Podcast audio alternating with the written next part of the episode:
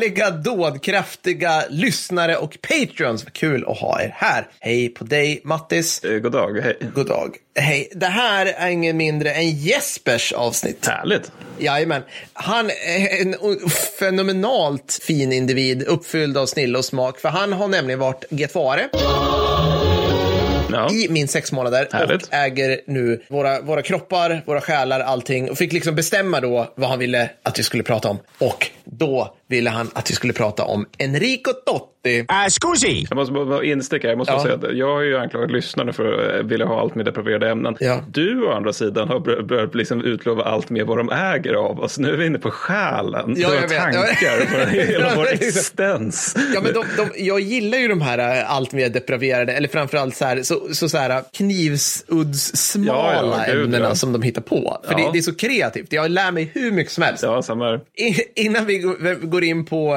eh, vem Enrico Totti var, Ja. jag kommer bara uttala hans namn så hela avsnittet, så vill eh, Jesper ge en shoutout till sin bror Sebastian. Ja. Det är dags för honom att bli Patreon. Ja. Det tycker vi också att det är. Det håller vi med om. Så vi får ta del av extra avsnitten som vi nu släpper typ hur många som helst av, Mattis. Ja, alltså, alltså, vi har typ Vi släpper ju ett avsnitt i veckan och varann- varannat avsnitt är ett extra avsnitt som bara går till Patreons. Ja, ja, så att varenda vecka är liksom är det, är det glass och ballonger. ja, ja visst. Kan man säga nu för tiden. Det är helt fantastiskt. Och så säger han så här. Jag skulle vilja att ni ger honom lyckönskningar till att flytta hemifrån. Det här är li- är lite spännande. Vill du att Sebastian ska flytta hemifrån? Eller ska han flytta hemifrån? Alltså, försöker, ska vi ge honom en spark i baken? Eller är han på väget? Ja, det, är oklart. ja, Bra fråga. Ja, Alltså, jag har många frågor här. Det är bara roligt. Vi vet inte. Vi släpper det här. Låt mig berätta om Enrico Totti. Ja. Kan höra boopidi boopy? Född i Rom 1882. Ja. Det här är alltså likhetstecken med CP-fattig misstänker jag, med tanke på Rom. Eller ja, han kanske tillhör överklass, men det, det kommer till fattigdomsheten här snart. Okej, ja. Han går med i italienska flottan tidigt 1900-tal. Lika med, jag kommer inte kunna ta något av det här på allvar, för det är italienare. Men, men Ja, men det är som det vi sa någon gång i, när, vi, när vi spelade in avsnitt 20 om Ernst Jünger och Gabriel D'Annunzio bland andra. Att Ja. det, de är liksom samma figur. Det är bara det att D'Annunzio är italienare. Och Ja. då blir det liksom genast så här, du vet en björn som cyklar på en enhjuling. Här, men de har, samtidigt, de har ju än idag en stor flotta. De, är inte de som har typ så här två hangarfartyg? Eller Ja, säger, ja. att de, de har... Absolut, de har helikopterkryssar och allt med. Alltså, de, de är ju svinseriösa. Ja, visst. det, här är, det här är ett allvarligt land, men det jag kan liksom inte... ja, det, det, hur som helst. Ja, han gav sig ut. typ. Ja, hur som helst, han var med i flottan. Han var med på piratjakt på Röda havet. det blir Pippi Långstrump av alltihopa direkt. En korsade klingor med Efraim Långstrump. ja, ja, men lite så. För det gällde ju att skydda den italienska kolonin i Eritrea för att återgå till lite grimdark Ja, italiensk kolonialism. Men som också säkert var alltså så här, slapphänd på grund av inkompetens, Ja, ja. inte på grund av välvilja skulle jag nej. gissa. Sen kom tillbaka, mönstrades av, blev av, och det här är, nu börjar liksom det som skiljer ut Enrico från sina, sina medmänniskor, blev av med benet i Oj. en oerhört obehaglig olycka 1908 när han jobbade med tåg. Uh, Det låter som en dålig kombination. Ja. Ja, jag tänker inte beskriva hur det gick till. För det, buh, så här. Och när jag säger blev av med benet, alltså jag menar hela vänsterbenet, alltså upp till höften. Åh, jävlar. Så Ja. de fick amputera liksom uppe, i, i, i, ja, uppe vid höften. Liksom. Mm. Jag vet inte om han fick behålla eh, penus maximus när det gäller det här. Men det förtäljer inte historien. Ja. Vi hoppas det för Nikos skull. Eller om han inte fick det så kan det förklara vad han gjorde sen. För Mhm. han drog ju den enda rimliga slutsatsen av att bli av med benet. Han ska börja cykla Ja, ja. Helt störda distanser. Ja, alltså, ja. he- lyssna nu. Karn cyklar sedan runt mer än hela Europa. Han, han alltså det här är tidigt 1900-tal. Han cyklar Rom, Paris, Belgien, Danmark, Finland, Ryssland, Mhm. Polen och till slut efter ett år av cykling hem till Italien igen. Men- Några saker jag vill Mm. bara slå ner på här. Det här är alltså inte på så här fina asfalterade vägar med kolfibercykel Nej. och så här 24 växlar. Nej. Cykeln är av gjutjärn, de bästa vägarna är romerska. Ja. Ja, ja. Så att, så att bara så här, men, han gör det med ett ben, vilket får Men, mig men, men, fundera. jag måste bara fråga, alltså, han har ingen protes? eller? Nej, nej, nej. För att jag råkar veta att första världskriget ledde till att proteser blev mycket, mycket bättre. Ja. Men utan han kör... Men vi är inte vid första världskriget igen. nej, vi, nej, nej, vi är men, 19... men nej. okej, så han gör det med ett ben. Ja, vilket, Ja. Jag har bara sett en bild på honom där han står bredvid en cykel Ja. och liksom håller i cykeln och har ett styck ben på Ja, sig. Alltså okej. så här. Ja. Och det ser ut som att så där cyklar han. Det där är han liksom. Pannben skulle vi kalla det här idag. Ja! Och, och jag undrar liksom om de, alltså han måste ju på något vis ha spän, spänt fast sin, sitt ben, sitt kvarvarande, nu ska vi se, högerben i liksom pedalen för att kunna dra den uppåt. Alltså ungefär som sportcyklar det, idag. ja. Du vet att man, man knäpper fast på det. Kan, det här kanske fanns på 1900-talet. Det är inte medeltiden. Alltså, Nej, nej, det är det. Det är det inte. Men, men det är samtidigt här uppfinnar-Jocke-tiden. Så, så... Ja, hur som helst. Ja, han kommer hem, ja. han vilar i ett helt halvår. Sen tycker han att det här är för tråkigt. Mhm. Så i januari 1913 tar han båten med sin cykel ner till Alexandria i Egypten och cyklar från Alexandria ner till gränsen till Sudan. Åh jävlar, ja. Om ni nu trodde att vägarna var dåliga hittills, så, så, är det så här, alltså interna vägkommunikationer i Egypten Ja. på 1910-talet, sådär va? Är det norra eller södra gränsen av Sudan undrar jag? Ja, det är i och för sig en bra fråga. Jag bara förväntar mig, jag bara antar att han cyklar hela jävla Det vägen. måste vara norra. Det måste vara norra. Det måste vara norra, ja. Ja, ja, han cyklar ju inte runt. Nej, men alltså man skulle cykla igenom. Att, Jaha, nej, nej, den okej, norra. Synd. Ja. Hur som helst. Ja. det här tyckte jag. Där i varje fall, han kom till gränsen, han ville cykla längre. Mm. Alltså, jag, jag skulle inte förvåna mig om, om, karln hade målet liksom Kapstaden eller något sånt. Men britterna bara, eh, no, eh, och skicka hem honom för att det är för farligt. Du får Mm. inte cykla genom, du kommer bli dödad. Liksom. Okej, det om det. So far, bara en galen, egentligen multiidrottare med enormt pannben. Eh, Mm. Nu blir det pang. VK1 rullar igång och Italien, fniss, vill vara med på ett hörn.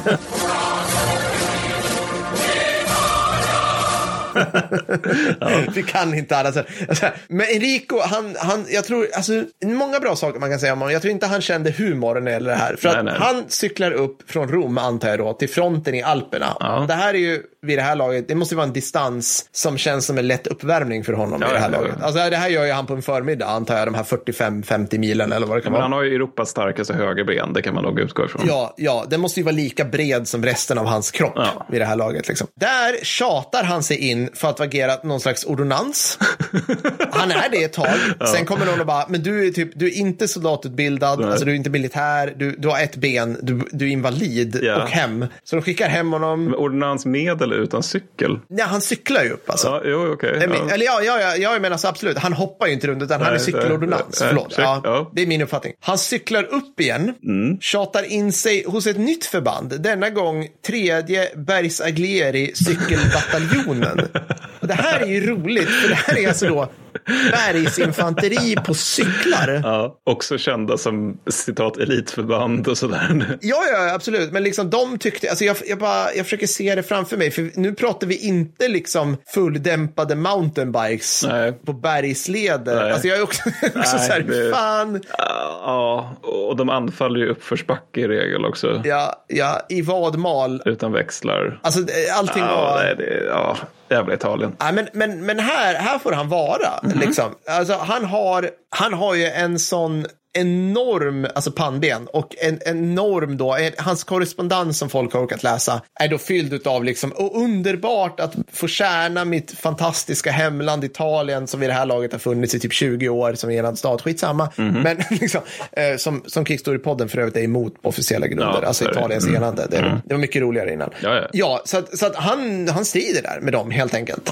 Mm. Och stupar sen vid sjätte slaget vid Isonzo. Ja, Där fnissar jag igen. Hemskt, men återigen, Ison, alltså, ja. Ja. Lyssna på vårt avsnitt om eh, VK1s värsta slagfält, va? Avsnitt 29 vill jag minnas. Ja, snyggt. Och det sägs, och nu vill jag att du liksom leder in den här lastbilslasten med salt nu. Grovkornigt check. salt. Alla, mm, ja, Stora källkritik-ingen kommer här liksom. mm, exakt. En blandning av salt Tack. Mm. Källäget för det här är bedömt katastrofalt. Ja. Att när han föll ihop träffad av en kula så ska han ha kastat sin krycka som han alltid bar med sig mot fienden och vrålat I do not die. Ja, det här ska han då ha gjort. Eh, alltså, så. okej. mm, säkert. Ja, det, det, det låter som en efterhandskonstruktion skulle jag säga. Men, Lite ja. så. Och, och efterhandskonstruktionerna tar vid med kraft, misstänker jag här nu. För att efter det här då, efter att han har stupat, så tilldelas han den för övrigt väldigt kreativt namngivna guldmedaljen för militär tapperhet.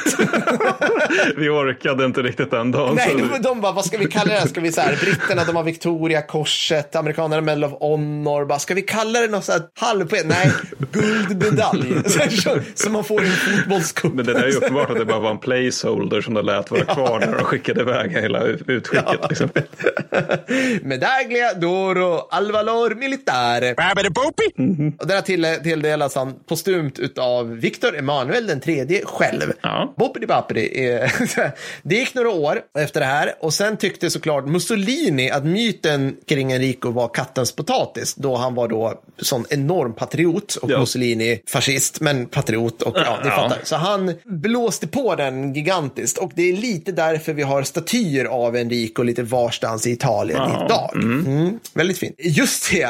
Mellan det att han blev av med benet och stupade som krigshjälte så uppfann han en rad grejer också. Alltså han, han, liksom, ja, han uppfann saker. Jag antar att det var liksom för att han kanske var en av de få som hade typ ett ben bara. Jag, jag vet inte riktigt, men han var jävligt kreativ. Så han uppfann ett säkerhetsbandage, det här är min översättning, Jaha. som automatiskt lägger sig över ögonen på hästar för att lugna ner dem. Specifikt, ja. Någon form av specialtandborste för cyklar. Alltså ni märker ju hur dålig koll. Alltså jag förstår, jag har läst det. Ja, då- Jag förstår inte vad det är för. Tandborste för cyklar. Ja.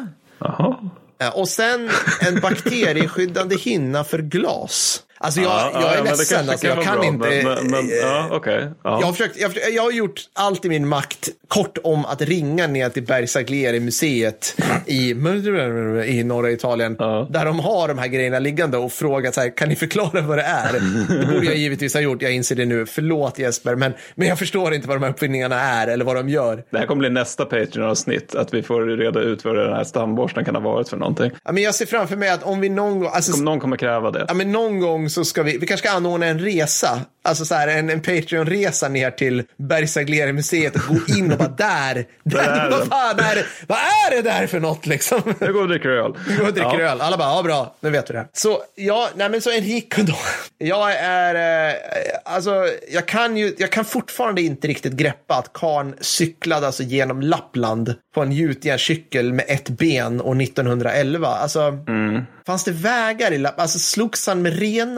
Förmodligen. det måste vara så. Stråtrövare. Alltså, ja, liksom. Men den här mussemyten, vad var, det- var det Mussolini ville bygga med honom då? Det var liksom att det här är en riktig karl ungefär, eller? Ja, ja, men typ så. Ja, ja, alltså det här är en superpatriot. Ja. Så det, och det är ju klassiskt. Ja, ja, nu, nu är vi inne på så här konstvetenskap, så nu är jag riktigt på djupt vatten. Men de, de bilder av statyer jag sett av Enrico är de här, äh, vad ska man säga, alltså, så här nyklassicistiska grejer där de är väldigt, han är liksom väldigt bredaxlad, väldigt så här skarpskurna drag. Mm. Ja, Vet du vad jag menar? Och Ja, nästan lite modernistiskt. Det är väldigt modernistiskt liksom. Mm. 20, ja, och det, det associerar väldigt mycket det till så här 20-tal, 20-30-talet Italien. Ja, alltså fascistestetik i grund och botten. Ja, men precis. Liksom. Alltså, det är typ som att du tar de här äh, ritade äh, karaktärerna, eller liksom männen då oftast, och kvinnorna från de här äh, propagandaaffischerna och gör en staty av dem. Då blir det liksom det. skarphuggna drag och sådana här Ah. saker. Liksom. Bra, jävligt bra pex på karln också. Fast blick. Mycket fast blick, extremt rakryggade liksom. Det var Enrico Totti. Ja, check, check. Ja, ja, det var en udda person, måste jag säga. Väldigt udda person, väldigt mycket Italien, men liksom också så här att vi sitter och fnissar åt det här, men han var ju dödsseriös. Alltså jag är osäker på om han hade varit så skön snubbe att hänga med. Det, det, det är lite som är min känsla. Förmodligen inte, men det låter ju lite också som någon form av grimdark-variant av Forrest Gump. Alltså, du Exakt. vet när han börjar liksom bara springa och sen inte kan sluta springa. Ja, precis. Sökte han cykla av sig sin ångest liksom? Jag vet faktiskt inte Ja, riktigt. eller kanske lite mer Lance Armstrong egentligen. Det var väl han som, han hade väl cancer eller vad det var när han höll på med Tour de France. Och dopad va? Eller? Ja, det, är också, det var också en detalj i sammanhanget. Eller, ja, ja, ja. Ja, nåja, jag tyckte det var intressant i alla fall. Tack! Jag hoppas du också tyckte det var intressant Jesper. Japp. Se till att Sebastian flyttar hemifrån nu. Han kan Ja, inte det hålla på det. så här. Det går inte. Bra! Tack så mycket hörni. Uh, Jesper, jag hoppas vi syns på någon Tersenfest någon gång. Det Ja. kommer bli fantastiskt. Bra! Ha det gött. Hej då! Hej då!